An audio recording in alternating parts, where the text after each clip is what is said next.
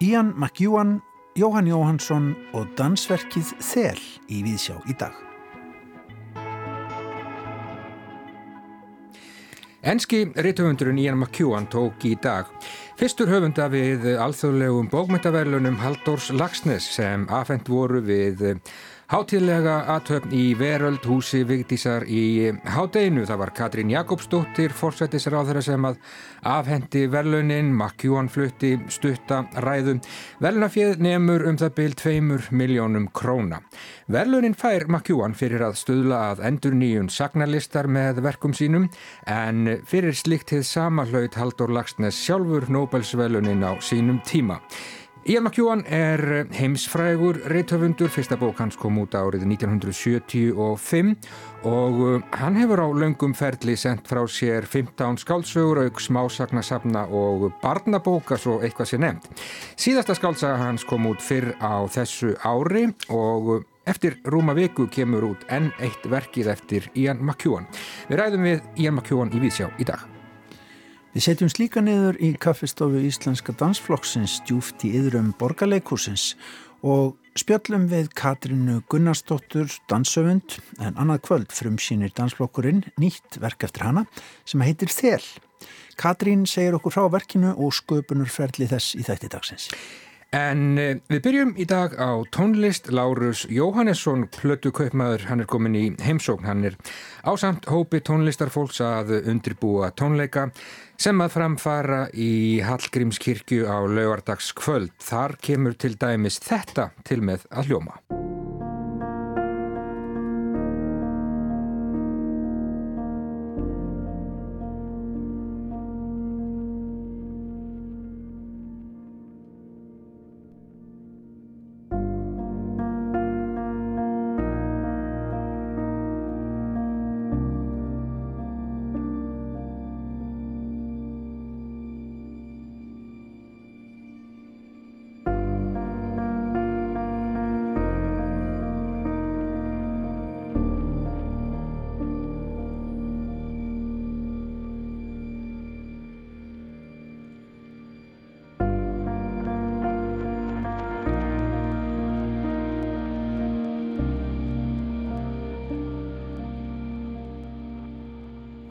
Já, góður hlustundur, þessir föru tónar eru eftir mann sem heitir Jóhann Jóhannsson og hétt. Hann hefði orðið 50 í dag. Þetta kvikmyndatónskáld sem að ja, gerða gott í kvikmyndunum og í sínum tónverkum á sinni tíð, dó allt og allt og snemma. Og vinnir hans margir ætla að koma saman til tónleika hals núnum helgina og halda tónleika á lögataskvöld í Hallgrímskirkju til þess að minnast Jóhans og tónlistar framlags hans til veraldarinnar. Hingað kominn Lárus Jóhannesson sem er kaupmaður í tóltónum, tónlistarvesluninni við skólaverðustík og mikill vinnur Jóhans og útgefandi. Lárus, eh, já, ég má ekki segja bara til hamgjum dæn. Jú, mm. við gerum það. Takk sem leiðis. En svona núna hjá okkur, eh, það að minnast Jóhans með tónleikum uh, það er búið að stopna er það ekki svona stopnun utanum í arleðina segð okkur kannski aðeins frá henni fyrst. Já, það er uh, að frumkvæði margara samstagsmanna sérstaklega í bandaríkjónum það sem er hefð fyrir svona sjóðum eða stopnunum að þá kom sem sett upp þessi hugmynd að stopna The Jóhann Jóhansson Foundation og uh, stofnunin er sem sagt skráð uh, til heimilis í Kaliforni en að henni standa sagt, eins og ég segi samstagsmennans í kveikmyndabransanum aðalega og fjölskylda og vinir hérna heima. Mm -hmm. Þessi tónlist sem við byrjum á úr Orfi, ekki satt? Segð okkur aðeins frá því verki. Já, Orfi er uh, mörgureiti svona síðasta svona soloplatan sem hann gerði Uh, hann var að vinna mjög lengi þessu verkefni. Uh, þegar færi gafst uh, hann var náttúrulega mjög störfum hlaðin um, síðust árin. En hann var svona alltaf að dunda sér við þetta og hérna tók þetta upp á laungum tíma með ýmsum aðlum í ýmsum borgum og, og hafði ákveðna ágjur á því að þetta er því svona sundulöst en um, það reyndi svo sannlega ekki vera og þetta er svona kannski eina af allra fallegustu blötum mm. og fjallar auðvitað um orfi hann þurft alltaf að hafa eitthvað svona konsept til þess að kveiki í sér mm. kannski passar ákveðlega við já, það má segja það um, sko þetta með það að balansera já, svona eigin listræni sköpun á borði þetta og síðan það að taka að sér verkefni fyrir vesmiðu sko, sem að hefna, milur áfram verkefnin. Sko, þetta kannski var glíma sem að Jóhann átti við að eitthvað Já, já. Hann auðvitað eh, hann auðvitað var það hæfileikum búin að, að hérna menn sótust eftir honum og uh, Vildu vinna með honum? Vildu vinna með honum og, og svo fann hann leikstjóra sem að sem að stimulera þann og, og, og veitt honum ákveðið svona frelsi. Og hann tók því alveg fegins hendi en, en, en hérna auðvitað var þetta gríðarlega mikið álag og auðvitað allt öru sér vinna heldur en hann var vanur. Þar sem hann var bara grúskað svona einni í stúdíónu en þarnastu með alveg heilmikið batteri í kringum þig en það má kannski segja líka að, eh, að þessi stóru verkefni sem að uh, letu þetta til þess að hann gæt gert ímislegt af sínum eigin höðarefnum sem hann hafi verið að bjástra við svo árum, árum saman þannig að hérna, þetta vann ágætlega saman að því leitinu til og auðvitað er það alveg ljósta að, hérna, að hann gerði engar málamiðlanir mm. þó að hann verið að vinna fyrir vesmiðina Einmitt.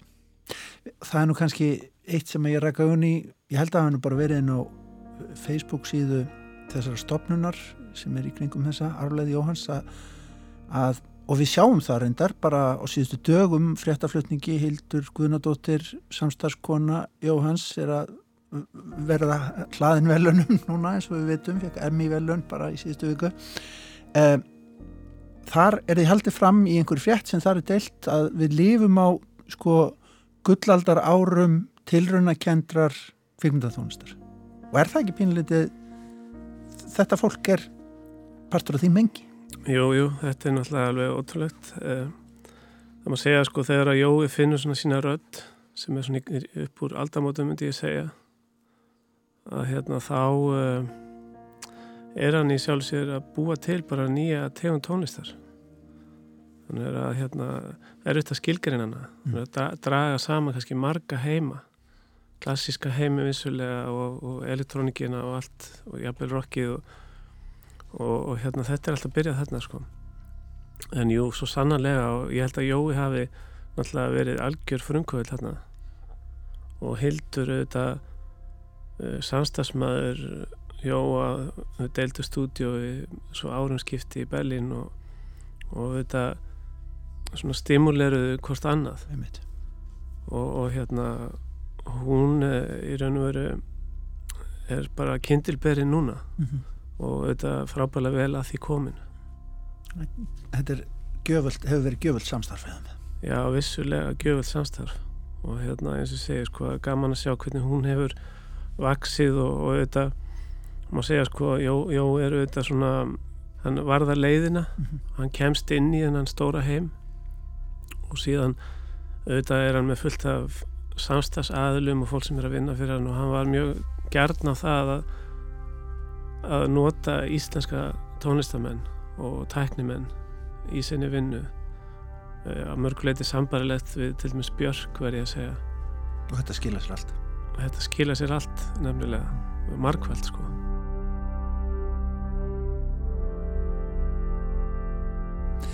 En Þið ætla að halda tónleika á lögataskvöld og hérna já, þar er góður hópur listamanna sem að, ja, er búin að vinna aldrei svona þessa verk, er það ekki? Og, og halda áfram með þessa sköpunur, ekki satt? Jú, tónleikarnir á lögatagin eru um allt algjörlega einstakir sko.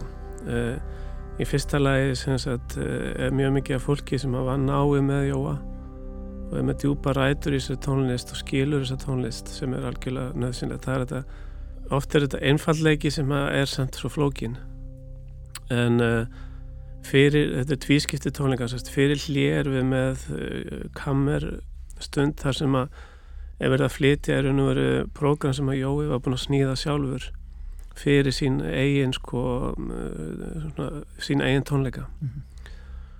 Og þar er brota því besta og þar er til dæmis eins og Óli Björn og Una og, og, og Skúli þetta eru fólk sem að vann og spila þessa tónlist með honum mm -hmm. og þetta verður aldrei heist hérna á Íslandi yeah. og eftir hlýjar við með verk sem að eru þetta um, mjög nátengt Hallgrímskirkju verna þess að það eru nú verið samið fyrir kirkjuna mm.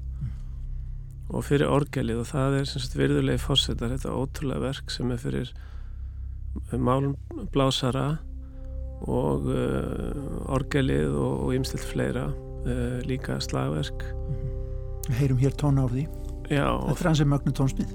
Þetta er ótrúlega tónsmíð og hérna uh, þetta er í fymta skipti sem verkið er flutt bara frá því að það var samið. Það var frumflutt í Hattingskirkju 2003 og síðan hefur það verið flutt í Noregi Belgíu í Bandaríkjónum og svo aftur núna á Íslandi í fymta skipti þannig að allt prógramið er uník má segja. Þetta er frábær hérna, frábær tækifæri til þess að velta hans fyrir sér. Já því sem að Jóhann skildi eftir. Algjörlega og, og, og, og að minnast hans og hérna þá erum við líka að glæðjast yfir öll því fagra sem hann skildi eftir og eitt af því sem við erum að reyna að gera í þessari stopnun það er að passa upp á þessa arleið og hérna að komin á framfari verðin þess að við teljum að tónlistinans hún, hún sé mikil svirði og við höfum séð það. Þannig að það er líka markmið okkar að já breið út fagnar erindið En Hallgrímskirkja á lögataskvöld klukkan 8? Hallgrímskirkja á lögataskvöld klukkan 8 þetta, eru, þetta verður einstökstund Já. Bara við þakkum fyrir tónlistina og fyrir tilvist Jóhans á 50. Amali Steinum sem hefði verið í dag Lárus Jóhannesson Takk kærlega fyrir komuna í Vísjá Sömulegis kæra takkir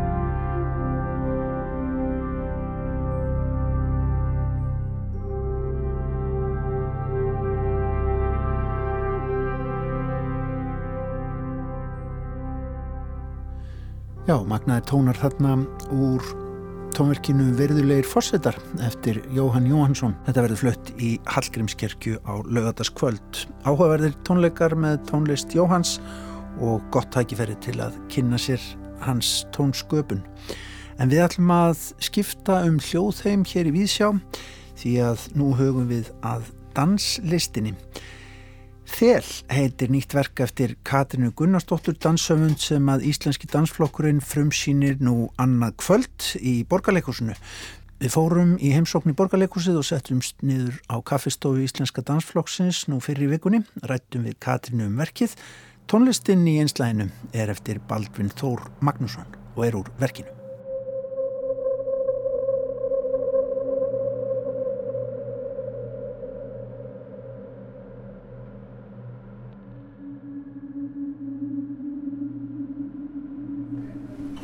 Katrín Þél, hvað getur þú sagt mér um þetta verk þitt? Já, uh, Þél er eins konar uh, líkami eða jáfnveil lífvera hóps. Uh, í rauninni byrjaði hugmyndina þessu verki svolítið útfræði að skoða hópin og kannski það að vera saman og að láta reyna svolítið á það að vera saman og vinna saman. Mm.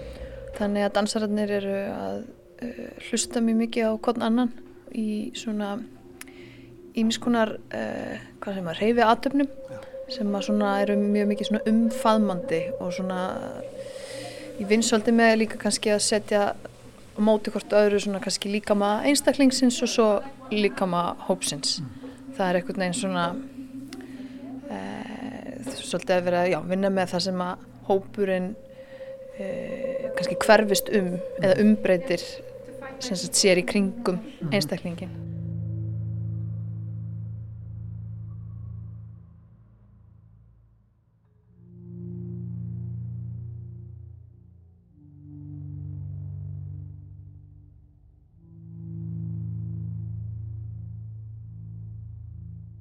þetta gerist auðvitað mikið í hópvinnunni, er það ekki? Ég menna það er ekki þannig dansinn að þú situr heimihæður, skrifir upp og er einhvers konar sögu eða þráðu eða eitthvað og það heldur er þetta á sviðinu eða ekki, þetta er í aksjóninu, í hreyfingunum og þú ert að, já kannski stundum að íta fólki til og svona tuskaðum til á sviðinu. sko þetta er auðvitað bara einmitt, þetta er danslistin allan er bara unnin rosalega mikið í samvinnu þar sem að þá er auðvitað æfingarferðlega mjög leifandi og, og þótt að ég sé með mína nótubók og, og sé með hugmyndir og, og verkefni þá er þetta unnið alltaf í samfunnu við dansarana í hópnum mm. og hér að því að ég er að vinna með í rauninu dansurum íslenska dansflokksins þá er líka sá dansara hópur á sér svona eitthvað sjálf eða eitthvað svona hóp eitthvað svona hóp hérna, orgu Já.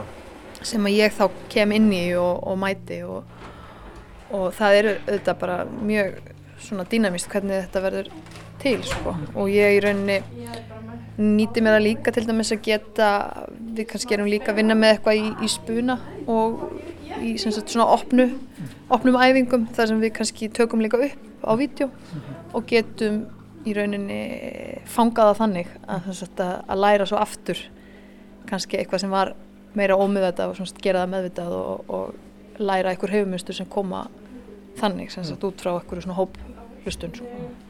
sko, þú nefnir þetta með orku hópsins og svona auðvitað er þetta fólk sem að vinnur mjög náið saman, það er mjög mikið ofan í hversmannskoppi gerir ráð fyrir mm -hmm. og jáfnvel ennfrekar heldur en leikararnir hérna bara á efrihæðinni mm -hmm. sko, er það ekki daldi snúið stundum uh, er þetta bara líf dansana?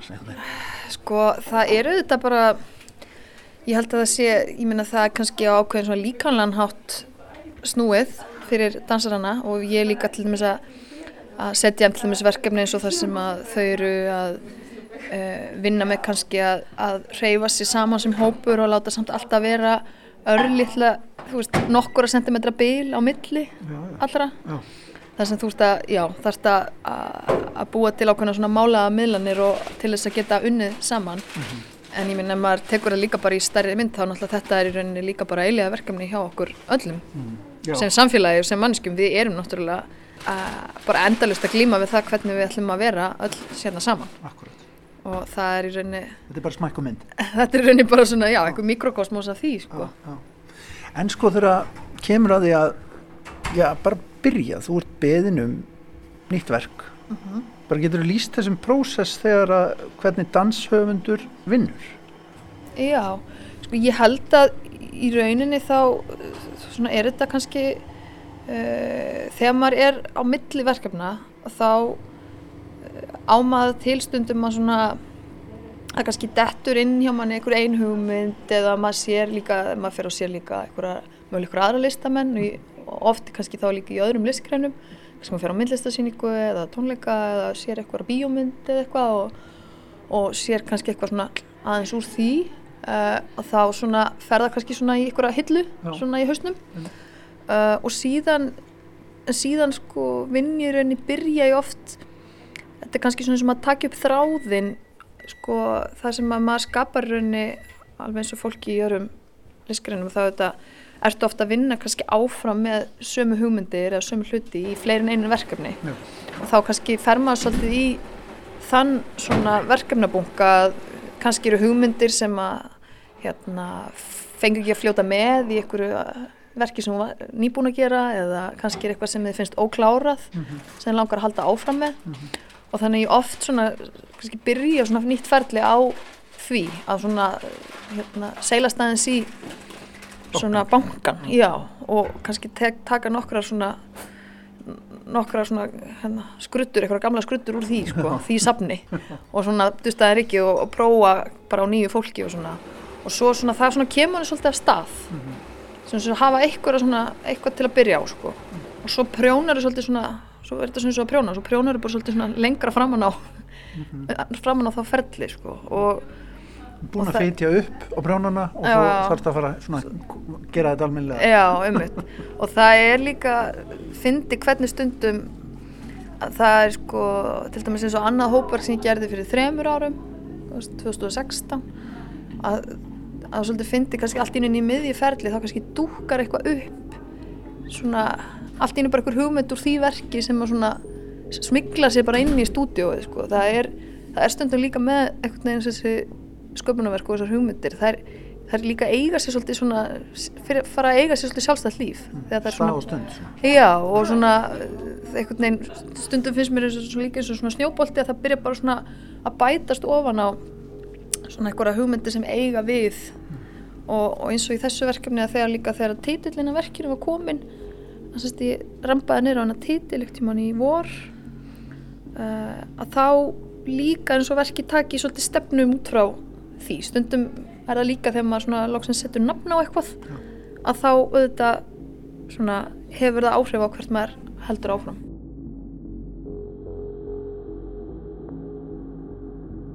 Þel, þels, hvorukinn. 1. Grunnur, undirlag, til dæmis í útsaumi. 2. Fingerð, mjúk, ull, tók. 3. Hugarþel, hugur, hugarfar. Í þeli niðri, í fylsnum hugans. Hjartaþel, bróðurþel, góðvilji, góður hugur. Bera gott þel til einhvers, vera velviljaður einhverjum. Fjögur. Þunn, gljáandi himna sem klæðir ímis hólrúm líkamanns innan og mörg kviðarhólslíffæri utan. Fleiðra, skina, hjartaþel, liðaþel. Fimm. Í samsetningu. Á nætur þeli, að nóttu til.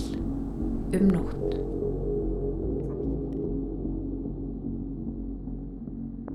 Sko nú er það þannig að í þessum nútíma dansi þá kemur maður sem áhuga maður á síningar stundum og, og er að reyna að lesa í uh, hvað býr að baki og það er oft ansi abstrakt bara svo við segjum það mynd út.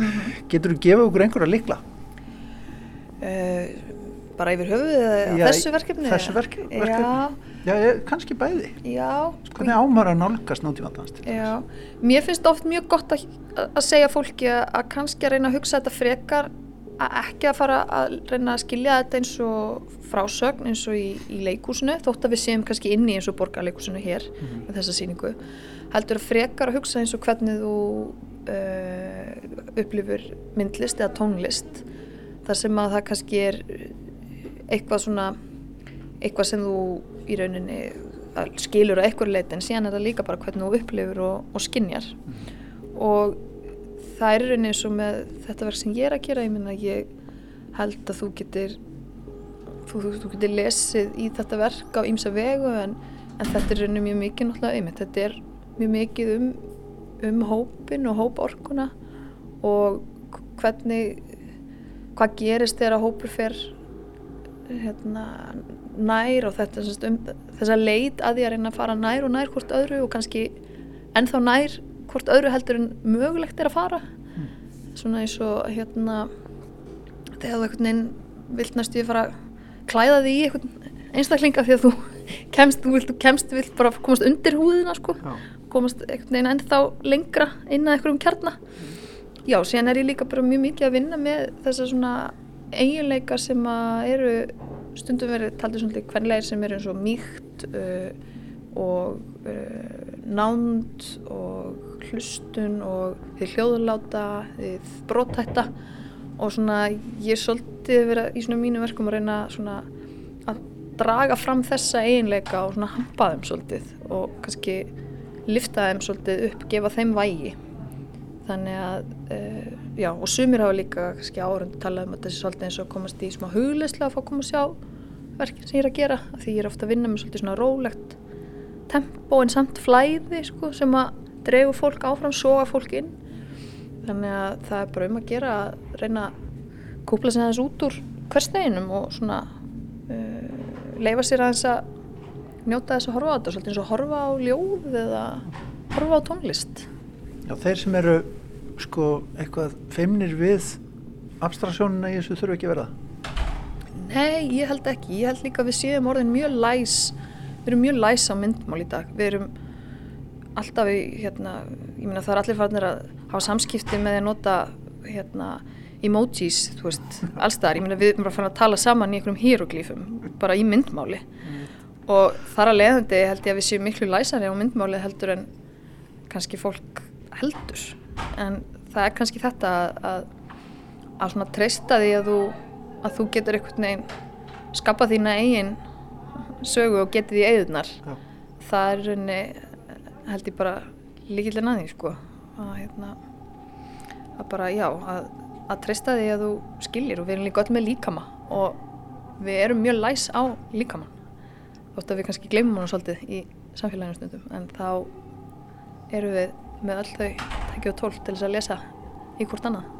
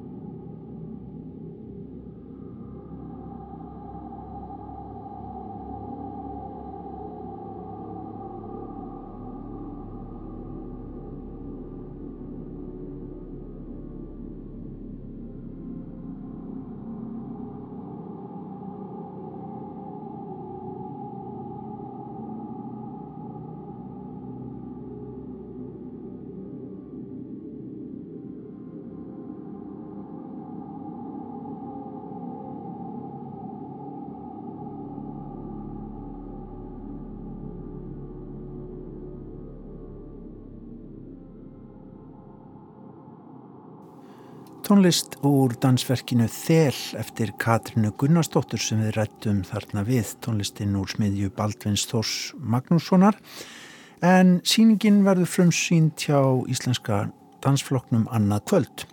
En yfir í bókmyndirnar, Eiríkur, það eru já, stórfréttir dagsins í íslensku bókmyndum. Já, algjörlega. Enski réttumundurinn Jemma Kjón, hann tók í dag við alþjóðlegum bókmyndaverlunum Haldurs Lagsnes. Hann er fyrstur höfunda sem að lítur Þessi verðlaun hann tók við þeim í veröldhúsi Vigdísar í hádeginu í dag. McEwan auðvitað heimsfrægur höfundur fættur árið 1948 og hefur sendt frá sér á sínum ferli svo sem eins og 15 skáldsögur sem að, já, notið hafa mikillar hilli í gegnum tíðina. McEwan hann gaf út sína síðustu bók bara núna á þessu ári og svo já, bara núna eftir viku þá kemur út uh, ný bók eftir Ian McEwan. Uh, ég brá mér upp á Glúbrastein uh, í gær og hitti McEwan þar í betri stofunni og átti við hann viðtal. Ég byrjaði auðvitað á því að oskonum til Hamingju.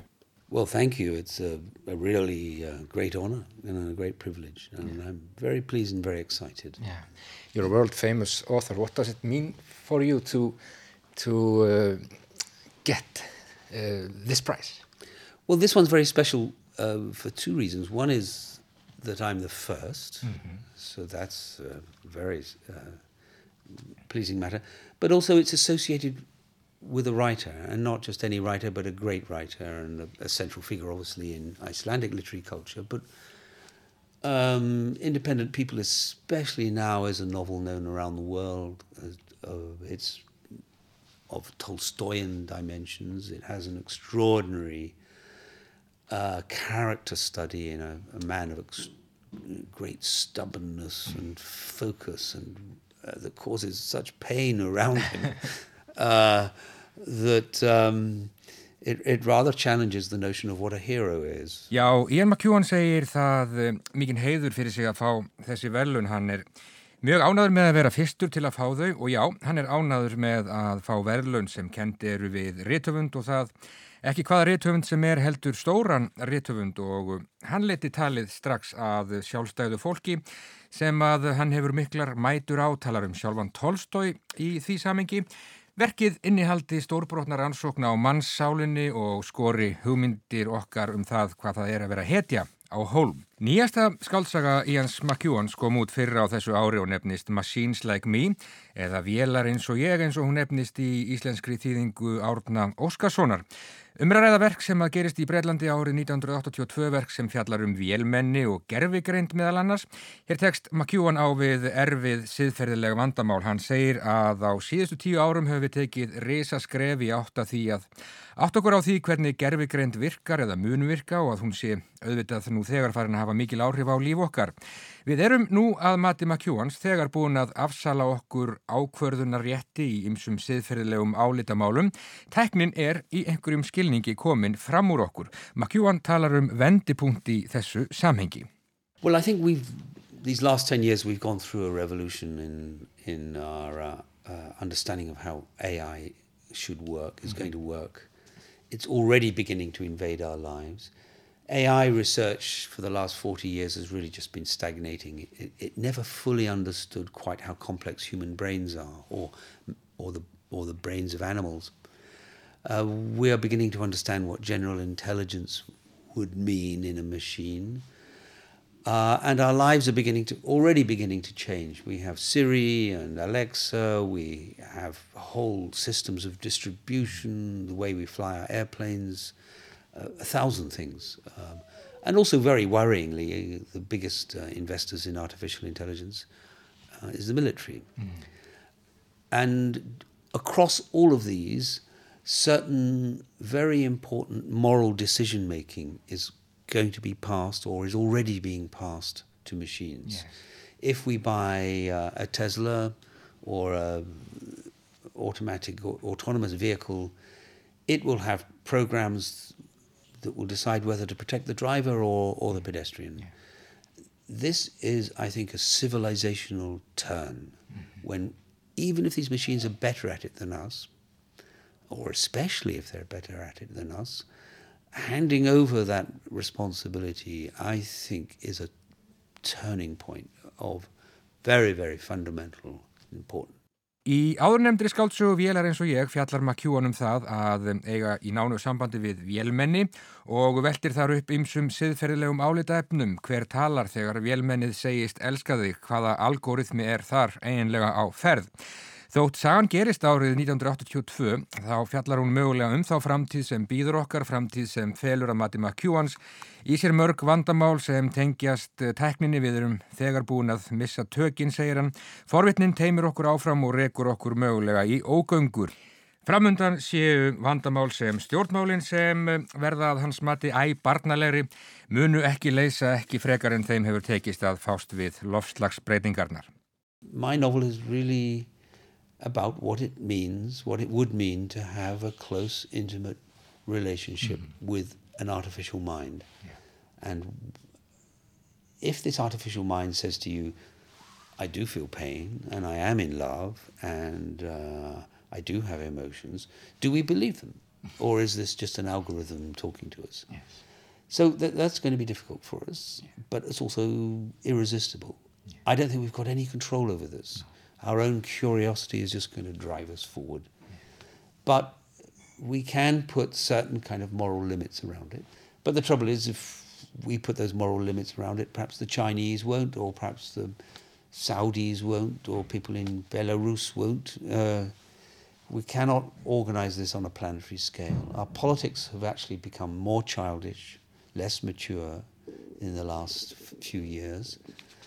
Uh, and I'm rather skeptical about whether we can make good decisions about this any more than we can make them about climate change. Og já, talandi um uh, stjórnmál, skálsögur Jans McEwans hafa líklega orðið pólitískari með árunum. McEwan hefur eins og svo margir áhyggjur af uppgangi populismu allt frá Brasilíu til Tyrklands. Populismin tengist að hans mati öðrum vandamálum í samtíma okkar. Ekki síst lofslagsbreytingunum, engin populisti vilji taka á þeim málum. McEwan vittnar í Jean-Claude Juncker, fórsetta framkvæmda stjórnar Evrópussambandsins og fyrverandi fórsætisráþara Luxemburg í þessu samengi en hann sagði að stjórnmálamennir vissu mæta vel hvað þeir þyrtu að gera í lofslagsmálum. Vandin væri bara sá að þeir vissu ekki hvernig þeir ættuð að ná endur kjöri eftir að hafa gert það.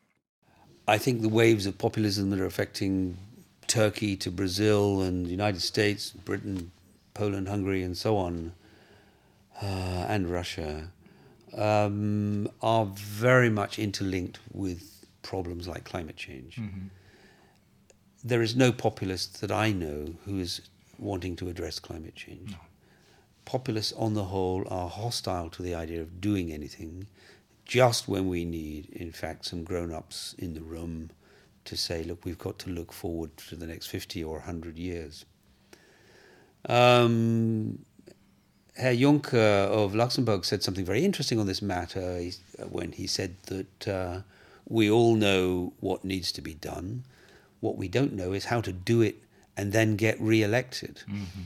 And uh, climate change and populism are very, very threatening bedfellows. Yes. Uh, so uh, we need to address them both at once.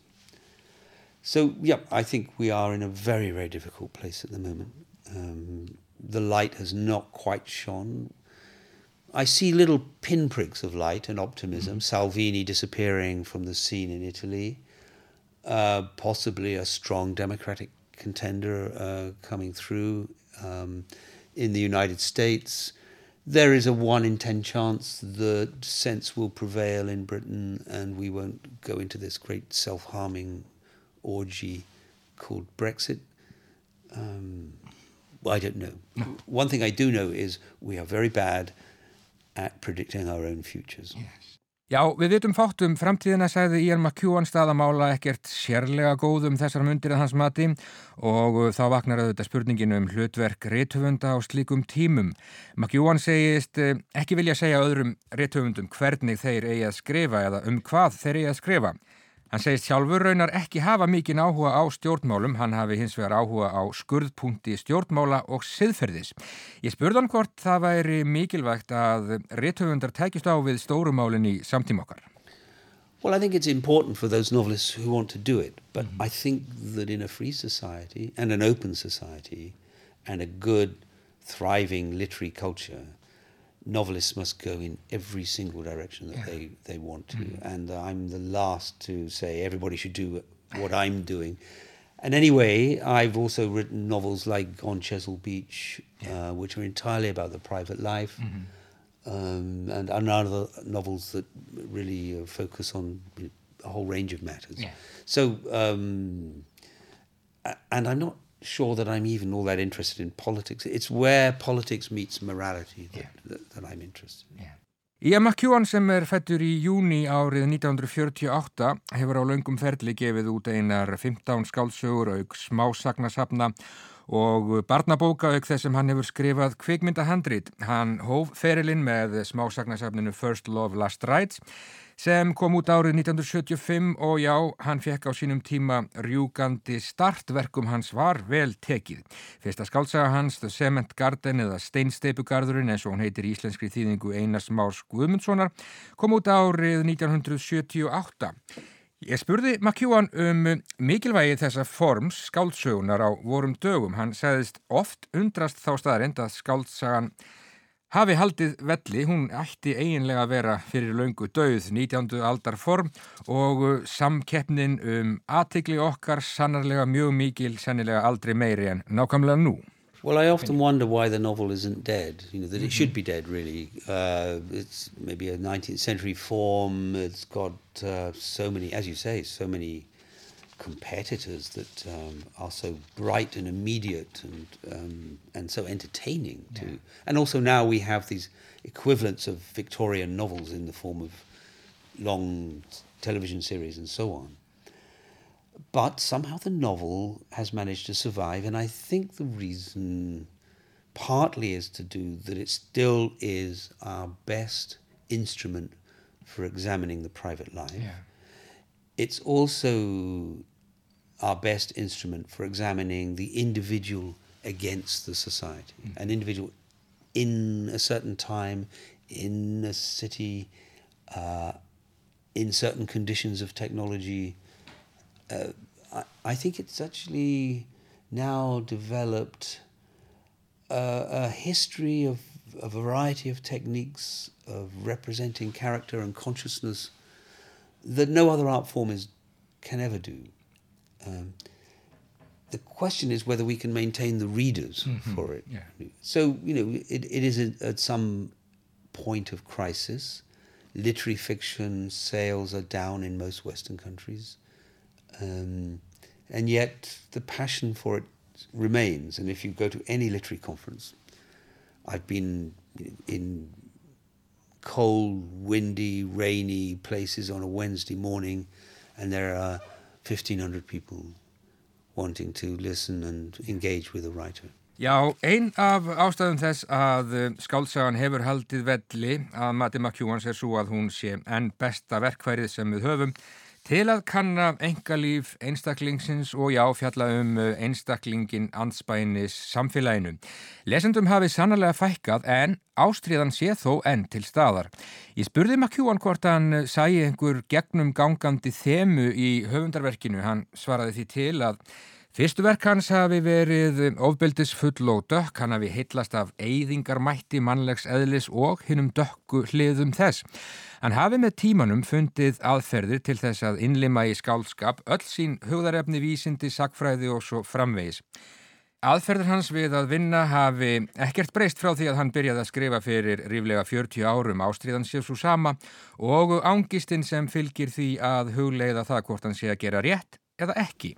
Those early stories had uh, a sort of violence and darkness that, that, that people were rather surprised about.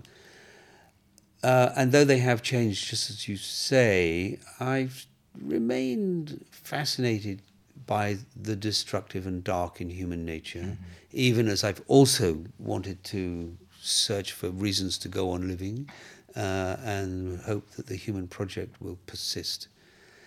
Uh, if there's a difference, I suppose my own outlook has become broader, or rather, I've found ways of incorporating into fiction all of the things that interest me, like science, like history uh, in particular, on top of all the things that were, were, were there in those rather dark stories. My methods of work have remained the same. I mean, I, I don't feel any different sometimes when I'm sitting at my desk than when I was um, 29. No. I mean, it, I feel the same engagement, the, same passion. same passion for it, the same anxiety about um, whether I'm getting it right or not. Aðspurður um það hvers vegna hann skrifi skáldsögur segir McEwan að uh, það sé leið hans til að skilja heiminn. Hann hafi fengið gott start strax í byrjun og um, það að skrifa skáldsögur sé einlega ekki starf í hans tilfelli. Hann gerir þetta ekki fyrir peninga. Rittstörfin eru lífsmáti hjá Ian McEwan. Well, partly um, they are my way of understanding the world. partly uh, because I started and got a good response, and therefore there's a kind of loop. Mm-hmm. That, you know, there's no good, there's no good denying that. Also, I think that uh, the novel, as a form, is a marvelous form of investigation. Yeah. Uh, so it becomes my own way of living. Really, it's it's it's, it's not so much a profession; it's just a way of existing. I mean, yeah. and it's not just a way of earning one's money. It's really become my orientation in the world. Every two or three years to finish some kind of journey into our condition now. Yeah. Ég eh, rætti við Ian McEwan þegar hann kom til Íslands árið 2002 kannski á hátindi ferilsins. Ári áður hafði komið út skáltsagan Atonement eða Friðþæging eins og hún heitir í íslenskri þýðingur Rúnars Helga Vignissonar. Verk sem sló í gegn og var síðan kvikmyndað. Í því viðtali talaði McEwan nokkuð fjálglega um þau áhrif sem 19. aldar skáltsögur hafa haft á hann í gegnum tíðina Hann sæðist á gljúrastegin í gær en sækja mikið í skálskap 19. aldarinnar og ríka bókmyndahefð hennar. When we spoke together in 2002, it's 17 yeah. years ago, yes. uh, you talked about uh, the 19th century, mm -hmm. literature from the 19th century that uh, you said uh, had influenced you, this literature that uh, modernism sort of turned its back on. Mm. Do you still go back to the 19th century? Absolutely. I mean, I, I, I, think it's my life's task is to reap all the benefits and rewards mm. of, of modernism, the, the great art, aesthetic revolution of the early 20th century, and yet not to abandon the great benefits that came, that have been passed down to us by George Eliot, by Tolstoy, by Flaubert, and so on. Uh, eftir rúma viku kemur út nýtt verk eftir Ian McEwan um að ræða novelu í kafkaískum anda. Hún heitir The Cockroach, kakkalakkin og fjallar í stuttumáli um kakkalakka sem vaknar einn góðan veðurdag og kemst að því að hann hefur breyst í mann og ekki bara einhvern mann heldur forsætist ráð þeirra. Með honum í ríkistjórn sitja einnig kakkalakkar sem breyst hafa í menn stjórnin hefur aðeins eitt á stefnusgrásinni Brexit. Úrganga breyta úr Evrópusambandinu. McEwan er ekki hrifin af Brexit, það er vægt til orðatekið. Hann talaði til dæmis í viðtali við um, The Observer fyrir á þessu ári um þjóðar harmleik, hvorki meirinni minna í því samengi. McEwan segir að logið hafi verið að fólkinu og að ef af úrgangu breyta úr Evrópusambandinu verði sem sé mjög líklegt muni þeir þjást mest sem minnst hafa millir handana sama fólkið og kaus á sínum tíma með Brexit. My feeling was that something very ugly and alien and strange and somewhat disgusting has entered the spirit of our politics. Mm -hmm.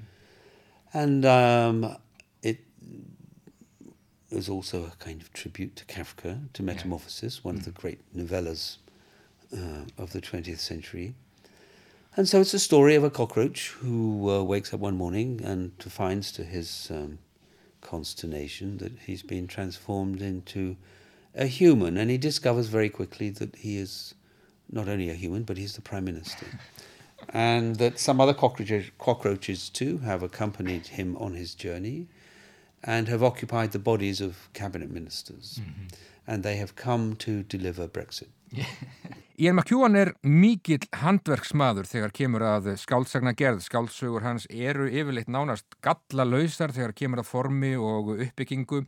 Það er allt á réttum stað. McEwan sagði mér í betri stofunni á gljúfarasteginni í gær að þegar hann byrjar á nýju verki þá viti hann svona nokkurt veginn hvernig það muni enda. En að hann negli samt sjálfa uppbyggingu verksins ekki niður strax í byrjun því eitt það ánægulegasta við það að skrifa skálsögu sé hið óvænta.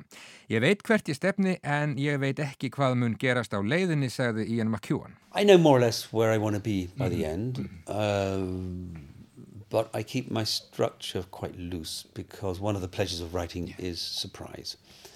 Uh, so I know where I'm heading, but I don't quite know what's going to happen along the way. No.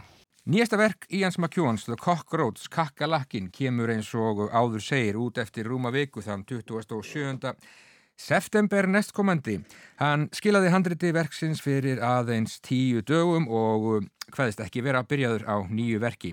McEwan sem tók við alþjóðlegum bókmæntaverlunum Haldós Lagsnes við hátíðlega aðtöfn í Veröld húsi Vigdísar í hátteginu í dag. Er að koma aftur til Ísland strax á næsta ári þá með hópi vísindamanna. Ég spurði Ian McEwan í blá lokin hvort hann langaði til að breyta heiminum með skrifum sínum. Hann sagðist efast um að það væri raunhæft verkefni, hann vilji hins vegar sjá heiminn breyta sjálfum sér og að hann sé meir en tilbúin að hjálpa honum við það. Uh, are you working on a new novel? No, I've only just... Uh, I mean, 10 days ago I handed in the cockroach. Yeah. Uh, and Vacation. Since then I've been, traveling. Yeah, so, yeah. yeah. Not yet. Are you going to stay in Iceland for a while? No, or? but I'm coming back next year. Okay. Uh, we're going to, with some scientists and others, we're going to take a charter a boat, go to the north of Iceland, uh-huh. do some hiking, and then across to hike in the northeast corner of Greenland. Yeah. So I'll be back here. Yeah. Do you want to change the world uh, with your writing? Um, I, I doubt that my writing is going to do much to change the world, but I would like the world to change itself, and I'm very happy to um, help. okay, thank you very much, Mr. McEwan. Uh, again, congratulations and enjoy your stay in Iceland. Come back soon. It's been a pleasure talking to you. Thank you. Já, enski réttumundurinn Ian McEwan eh, kampakátur á gljúrasteini í betri stofunni á gljúrasteini í gær.